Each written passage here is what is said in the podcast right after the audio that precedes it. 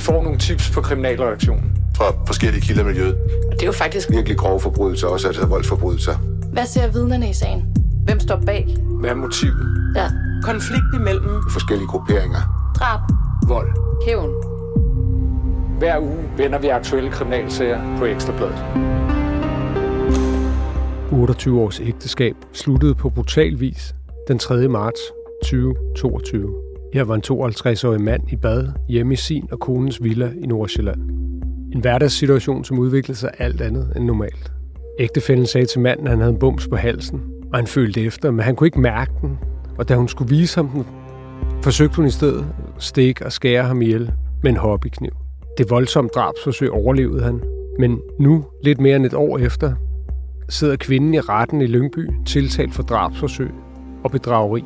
Velkommen til Afhørt. Jeg hedder Christian Kornø, og med mig i studiet har jeg Nikolaj Fenger, som var til stede i retten i tirsdags på sagens første dag. Nikolaj, hvad er det for mennesker, øh, det her tidligere ægtepar, som altså, var røget i kødet på hinanden, om man så kan sige? Jamen, det er to helt almindelige mennesker, som, øh, som øh, indtog øh, pladserne i retten i Lyngby. Hun er mørkhåret, måske omkring 1,60-65 høj, øh, bare briller og, øh, og langt, øh, langt mørkt hår. Øhm, almindelig bygning. Øh, ja, manden han har, han har øh, altså, pæn i tøjet. Ikke jakkesæt, men, øh, men øh, hvad man siger, formelt tøj på. Øh, bruger også briller, korthåret og, og, og velfriseret. Og det er egentlig bare to helt almindelige mennesker at se på, når, når, de, når de sidder, da de sad der i retten i, i Lyngby, øh, hvor du ikke kan se, om der skulle være noget unormalt ved, ved, ved det forhold, de, de har haft, eller de personer, som de er. Ja, og du sagde jo, at øh, de bor i Nordsjælland, og hun øh, altså, havde arbejdet på en, på en, øh, en uddannelsesinstitution. Hvad, hvad, hvad laver manden? Manden har i, øh, i flere år øh, haft sit eget øh, håndværkerfirma, som, øh, som konen så har været med til at, øh, at øh, administrere eller drive. Øh, hun har stået for alt administrativt i, i det selskab. Øh, men manden, han er, han er håndværker og, og er det stadigvæk øh, den dag i dag. Okay, og to voksne børn og en hund, kunne jeg forstå. Ja, øh, så helt, helt normalt øh, ægtepar. Ja. Men så er der jo øh, noget meget unormalt. Allerførst skal vi høre, hvordan øh, forholder kvinden sig til de her sigtelser her? Jamen, hun forholder sig jo til sigtelsen på den måde, at hun, hun, øh, hun erklærer sig ikke skyldig.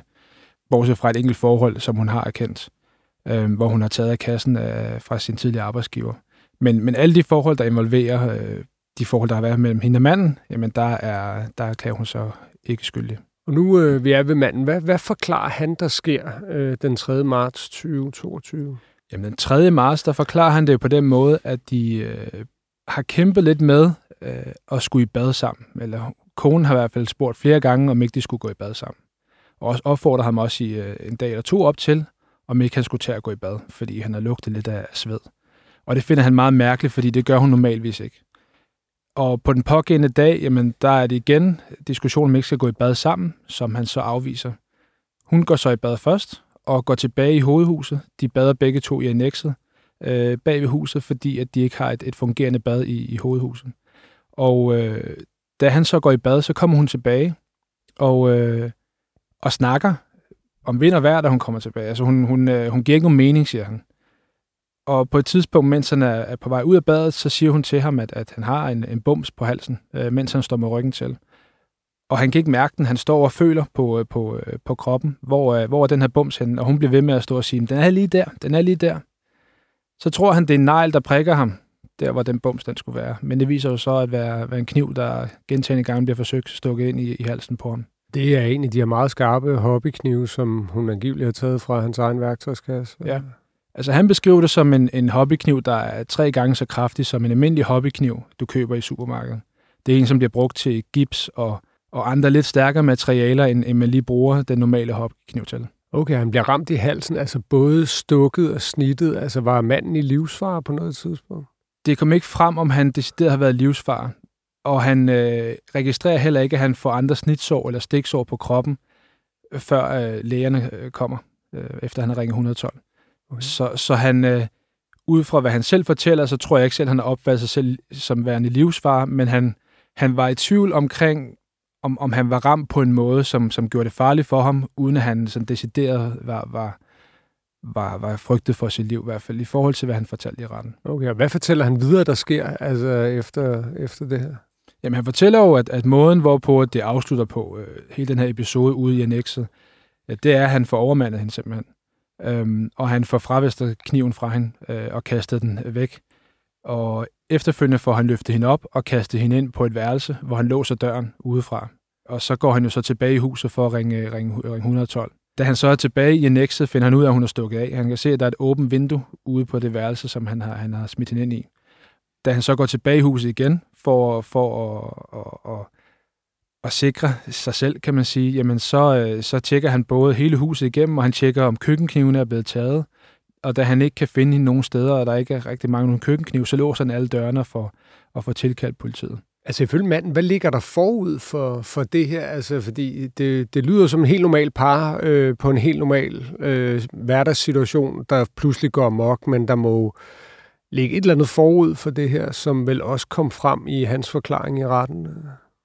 Altså hans forklaring var mere mild end hendes var, vil jeg sige. Og det, som han siger i, øh, i retten, jamen, det er, at, at han føler egentlig, at ægteskabet havde været, havde været ganske udmærket. Øh, men han følte også til sidst, det som han siger i bagklogskabens lys, jamen, så siger han sådan set, at, at han har levet det meste af sit ægteskab på en løgn. Altså det, som egentlig leder op til det, og det hele går mok, det er, at hun opdager, at hun har optaget lån i hans navn øh, igen. Det opdager han få dage forinden, og det er det, som får, får det hele til at eksplodere det, den dag i, øh, i marts måned. Ja, og det er jo så vidt jeg kan læse, altså 500.000 det drejer sig om, øh, og hun har ifølge hans forklaring også øh, optaget lån i hans navn tidligere. Er det så noget skænderi og sådan noget, som, som så ligesom leder op til det her? Øh, nej, det er det ikke. Ikke umiddelbart. Det, som, det, som øh, de forklarer begge to i retten sådan set, det er, at de ikke rigtig snakker om det økonomiske i familien. Men det er bare hende, der administrerer det øh, kan man sige. Så han, han, han ved ikke engang, siger han i hvert fald i retten, hvad nem det er, før at, øh, at han bliver skilt fra, fra konen. Okay, øh, men, men hvordan finder han så ud af, at han lige pludselig skylder altså en halv million? Jamen, han finder ud af det ved, at han får et opkald fra, øh, fra en øh, kviklånsbank, øh, i Kanobank, hvor øh, han finder ud af, at han skylder nogle penge, øh, penge, som han ikke selv husker at have, have, have lånt af, af banken. I den forbindelse, jamen, så, øh, så skriver han jo til hende, om, om hun ikke har lyst til at, at lige komme hjem forbi, øh, når det er, at, at hun er færdig med arbejdsdagen, for at lige kan få snakket det igennem. Så vidt vi hører i retten fra begge to, så er det ikke noget, der bliver videre snakket igennem. Der bliver nærmest øh, råbt lidt mere af hinanden, og hun kokser, øh, kan man sige, oven i hovedet. Der er et eller andet, der, der han klap, der går ned for hende, da, da hun finder ud af, at han har fundet ud af det igen. Okay, og det, det er jo så i hvert fald hans forklaring, men øh, Ja, alle kan jo sætte sig ind i, at hvis man bliver ringet op af sådan en kviklånsfirma, og man skylder en halv million, det selvfølgelig er altså en anelse overraskende. Altså man siger, i første omgang tror han jo kun, at han skylder øh, 60.000 kroner. Okay. Det er først efterfølgende, at han finder ud af, hvor meget han egentlig skylder. Okay. Øh, og det er en længere proces, hvor han, hvor han for det første skal have fat i sit nem idé, og også få fat i mit idé, for overhovedet at få adgang til at kunne tjekke de her oplysninger. For det har han simpelthen ikke tjekket de sidste mange år i løbet af ægteskabet. Det er hende, der har administreret hele økonomien, både for ham, men også for det firma, som, øh, som han har. Og hvordan har det egentlig udviklet sig med de her lån hen over årene? Ja, det kommer frem i retten, blandt andet øh, ved han jo så tjekker med sit øh, nem idé efterfølgende, at, at øh, de har simpelthen skyldt penge i de sidste mange år af ægteskabet. Og hun har forsøgt at lukke hullerne i både privatøkonomien, men også i firmaøkonomien ved at optage de her kviklån.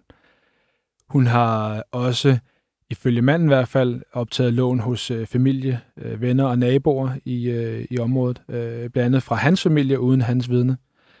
Og øh, jamen, det har jo så udviklet sig til en eller anden spiral af, af, af huller, økonomiske huller, der hele tiden skulle, skulle lukkes af hende.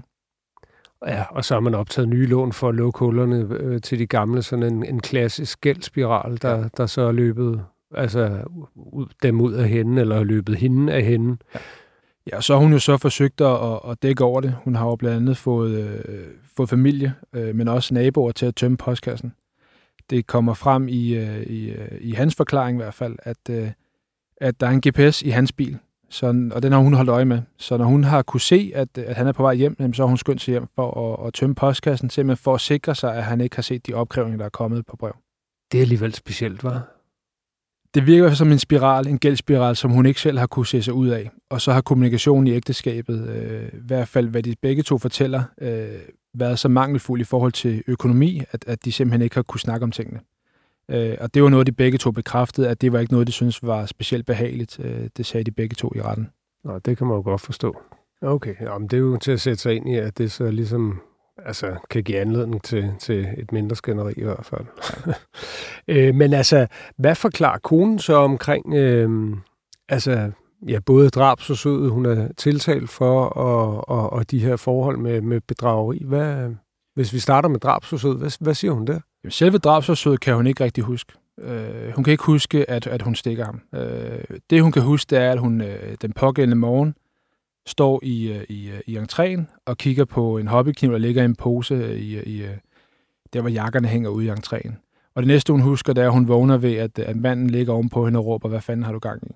Ja, det er jo sparsomt, må man sige. Altså, kom det frem, om hun var på noget medicin, eller altså, som skulle, altså, kunne godt gøre, at man ligesom får de her blackouts eller alkohol? Eller? Nej, det, det var der ikke nogen information om.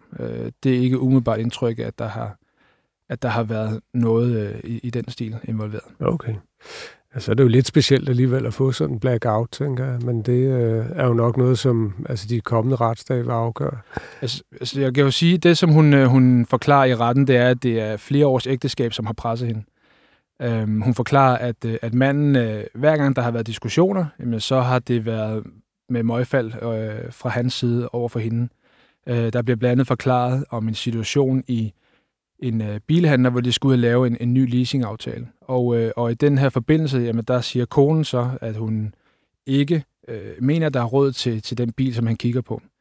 Og øh, det ender så med efterfølgende øh, i bil, altså bilen på vej hjem fra, fra den her bilhandler, at øh, hun bliver overfuset af ham. Og det siger hun, at det er et generelt billede, at hver gang hun siger noget imod, jamen så, øh, så bliver hun overfuset. Og det er det, som blandt andet har ført til, at hun, at hun på den, den dag der her, øh, der, klar, der går klappen ned, ikke? Ja, altså ifølge hendes forklaring, så er det så dro, dråben, der er forbæret til at flyde over. Ja. Øhm, ja. Hvad, for, hvad fortæller hun omkring de her altså voldsomt mange penge, som hun låner? Altså, som jeg kan forstå det, så administrerer hun jo ligesom også økonomien i hans firma, øh, og forklarer også det her med, at samtidig med, at hun har sit fuldtidsjob øh, som... Øh, altså ansat på, på en uddannelsesinstitution, så kører hun også firmaet, det også presser hende med alt det her. Øh, men hvad fortæller hun med, altså omkring de her lån her? Hvad, hvad har hun brugt pengene på? Jamen hun fortæller, at øh, lånene de går til generelt den øh, fælles øh, familieøkonomi, men også til likviditet i, i firmaet. Simpelthen for at kunne have, have, have penge øh, og, og kunne købe ting for. Han har så en, en øh, dyr hobby, øh, som handler om, om, om øh, veteranbiler, og, øh, og den øh, mener hun i hvert fald er, er det, der presser økonomien, fordi det er en, der ofte øh, har, hvor der er behov for kontanter for at kunne udleve den hobby. Og det er noget med, hvor han både køber i øh, indland og udland, køber dele og, og restaurerer biler. Øh, og i den forbindelse øh, mener hun så, siger hun i retten i hvert fald, at, at han, den her hobby her har, jamen den har simpelthen taget så meget over for ham, at han simpelthen bliver, bliver besværlig at, at have noget at gøre med. Altså, han kræver simpelthen penge hele tiden, og det er penge, som hun velvilligt gerne vil, vil, vil finde frem, og det gør hun så ved at optage kviklån. Okay, ja, fordi man skulle mene, at sådan en håndværkfirma har, altså, burde kunne have vind i sejlene de senere år, men, men selvfølgelig med, hvis det er en meget, meget dyr hobby, så kan, kan det jo også få balancen til at tippe. Øh, hvordan virker hun? Altså virker hun troværdig, når hun forklarer det her? Eller? Hendes forklaring var der langt flere følelser involveret i. Altså hun, øh, hun øh, brød grædende sammen flere gange under sin, øh, sin, øh, sin forklaring i retten. Og øh, om hun virker troværdig på sin vis, ja, det synes jeg, hun gør. Hvis sat op imod mandens, men så synes jeg egentlig også, at han virker øh, troværdig på, på sin måde. Øhm, så så den er, jeg vil sige, den er svær at, at, at sætte op imod hinanden. Det er svært at, at sætte noget på dem og sige, men I er ikke troværdige den måde, som I har, altså det billede, I har i jeres ægteskab og de ting, der er sket. Hvad med det her med, at hun, hun siger, at hun slet ikke kan huske noget fra, fra selve episoden, altså det drabsforsøg, hun har tiltalt for? Altså hun fortæller i retten, at, at det her med, at det bliver opdaget, at, at øh, der er blevet optaget lån i hans navn, jamen det sender hende ud i selvmordstanker. Og øh, hun forfatter blandt andet sit eget selvmordsbrev, som, øh, som øh, hun øh, skriver nede ved en sø i nærheden. Øh, men hun forfatter også på øh, mandens iPad hans selvmordsbrev. Så hun, øh, og hun forsøger også af to omgange at, at, at tage sit eget liv. Den ene gang har hun så ikke helt modet til at, at faktisk det ud i livet, mens øh, den anden gang, jamen der, der bliver hun så fundet, det er efter episoden i annexet, hvor hun har angrebet manden, jamen der bliver hun fundet og har stukket sig selv flere gange. Øh, der bliver hun fundet på en mark. Altså simpelthen efter det drabsforsøg, hun har tiltalt for, bliver hun fundet, øh, hvor hun har altså gjort skade på sig selv med, med, er det med den samme hobbykniv? Hun har taget en saks, øh, en lang, skarp saks, som hun har stukket sig selv flere gange med. Øh, hun fortæller selv, at hun har stukket sig selv i maven fem-seks gange, og hun har også prøvet at stikke sig selv i halsen. Og hun fortæller også, og det fortæller manden også, at hun har, har bedt ham om at, at tage hendes liv øh, kort efter angrebet på ham, da de ligger og kæmper om, om, om hobbykniven. Har vi nogle indikationer af, hvad, hvad, hvad straffen er? Altså er det blevet meldt ud, hvad, hvad straf øh, anklagemyndigheden går efter? Ikke øh, præcis, nej. Men vi har tre dommer og, og seks nævninger, og det betyder selvfølgelig, at, at de går efter en, en hård straf på, på over fire år. Ja, fordi nævningssager bruger man kun i, i, i sager, hvor man forventer over fire års ubetinget fængsel. Præcis. Hvornår falder der dom i sagen, ved du det? De forventer, at der falder dom her den 28. Øh, april. Øh, der er en enkelt retsdag mere, øh, 14. April, inden der, der falder dom i slutningen af måneden. Det er jo en tragisk og øh, øh, spændende sag, som vi selvfølgelig følger til dørs her på afhørt, når der falder dom. Nikolaj, du skal have tak, fordi du kom.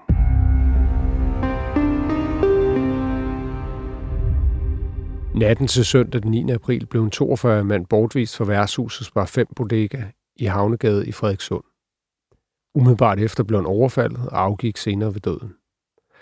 Der er stadig ingen anholdt i sagen om dødsvold, men min kollega Linette Jespersen har været i Frederikssund og kigget nærmere på sagen. Linette, øh, du har været op om, omkring øh, det her værtshus. Øh, kan du beskrive scenen lidt?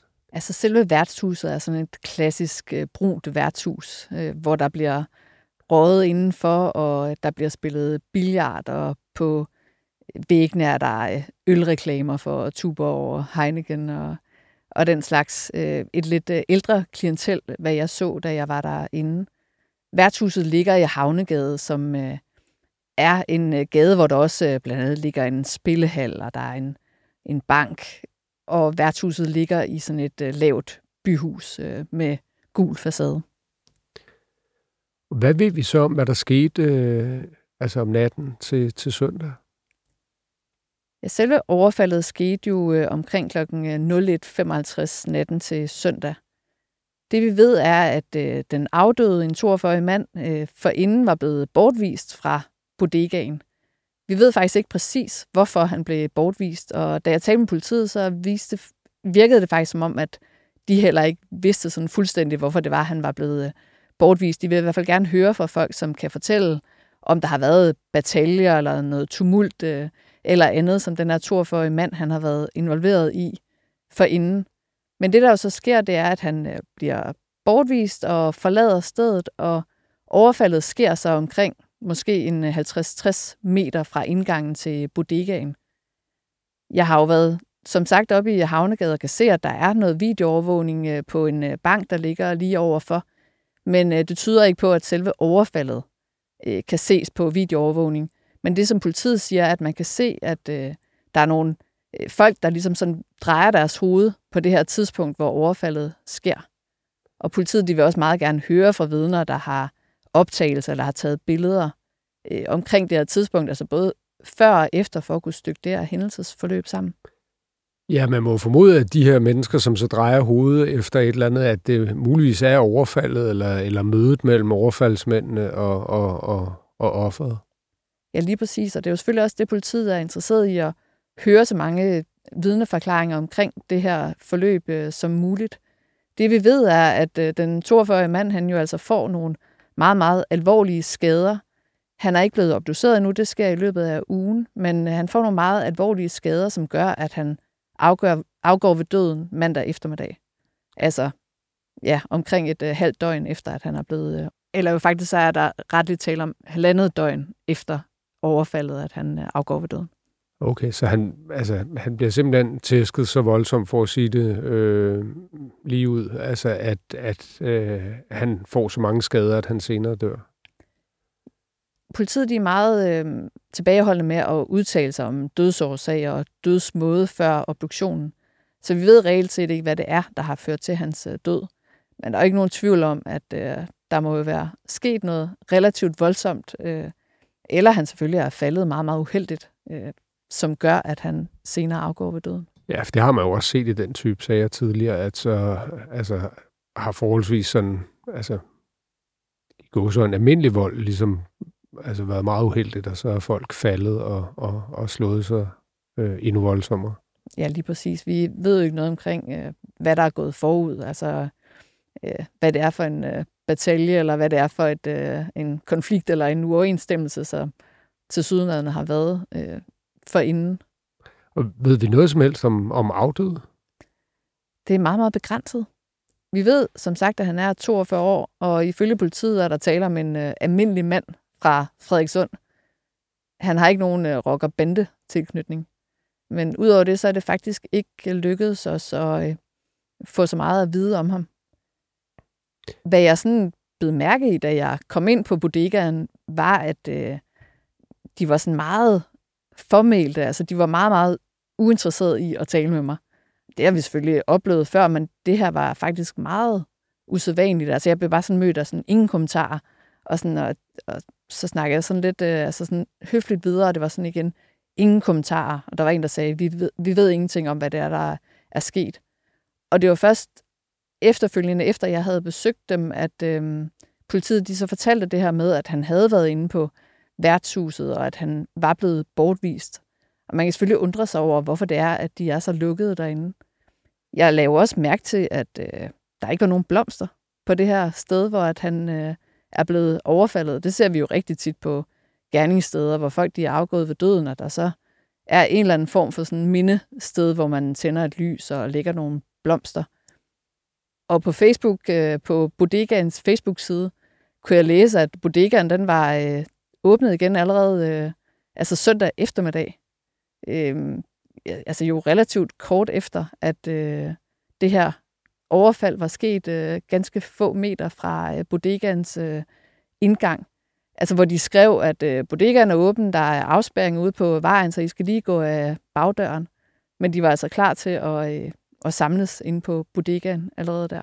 Ja, så der er faktisk flere sådan lidt usædvanlige ting. Både de her manglende blomster, som jo både kunne tyde på, at det ikke var så populær en mand, eller at han muligvis slet ikke er fra lokalområdet. Øh, men det er jo også, som du siger, usædvanligt, at man ikke kan altså bare slå lidt small talk af sådan en flok folk inde på, på et værtshus. Det, det plejer nok at kunne lade sig gøre. Øh, så...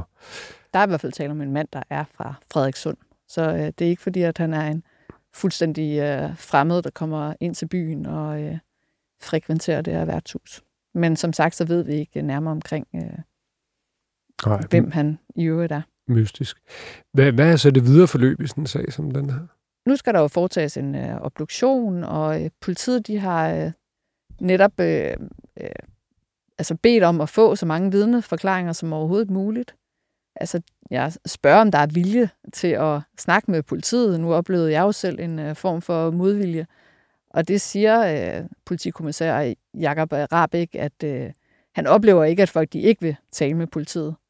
Men øh, det er klart, at det politiet de skal nu, det er at stykke det her hændelsesforløb sammen og komme så tæt på, hvad det er, der øh, gik forud for, at manden han fik de her skader, som øh, var altså dødelige. Det er jo ikke længe siden Frederikssund har oplevet en, en en, om ikke et lignende sag, men så en, en, en lidt tilsvarende, altså da familiefaren Kim øh, blev tæsket ihjel på en togstation i marts 2022. Øh, altså er det noget, der sådan påvirker stemningen i byen? Ja, det er i hvert fald klart, at vi straks tænkte, at det var da usædvanligt, at der var endnu en sag om øh, dødsvold. Øh, altså, at en mand han bliver tæsket ihjel på gaden i Frederikssund. Så stor er den by jo heller ikke jeg spurgte nogle mennesker, jeg mødte på gaden, om øh, de ligesom mm, havde tænkt den tanke, eller måske også, øh, altså sådan, at, om det gjorde dem bekymrede. Øh, jeg talte blandt andet med en øh, 78-årig øh, mand, som sad og ventede på at blive øh, klippet, øh, som sagde, det kan jo ske alle steder. Han har selv boet i øh, Glostrup, hvor øh, han sagde, der skete jo også en masse. Og det var i hvert fald ikke noget, der vi får ham til at, at flytte. Så det er lidt holdningen, at det her er desværre noget, der ikke er linket til Frederikssund. Altså det er øh, øh, tilfældighedernes øh, spil, at det lige er sket øh, to gange på, øh, på to år, at der er øh, sket noget så meningsløst, øh, som at, øh, at en mand han bliver tæsket ihjel på gaden. Og det er jo også det, vi må fast slå i den her sag. Altså, selvom at der taler om et offer, der bliver bortvist fra et værtshus, altså, så kan det jo aldrig begrunde, at man skal øh, tæskes så eftertrykkeligt, at man til sydenheden afgår ved, øh, ved døden. Vi kommer i hvert fald øh, her på Ekstrabladet og i afhørt til at, at følge sagen videre, hvis, øh, hvis og når der, der sker noget. Øh, ja, men tak for det, Linette, og tak fordi I lyttede med i den her udgave af Afhørt.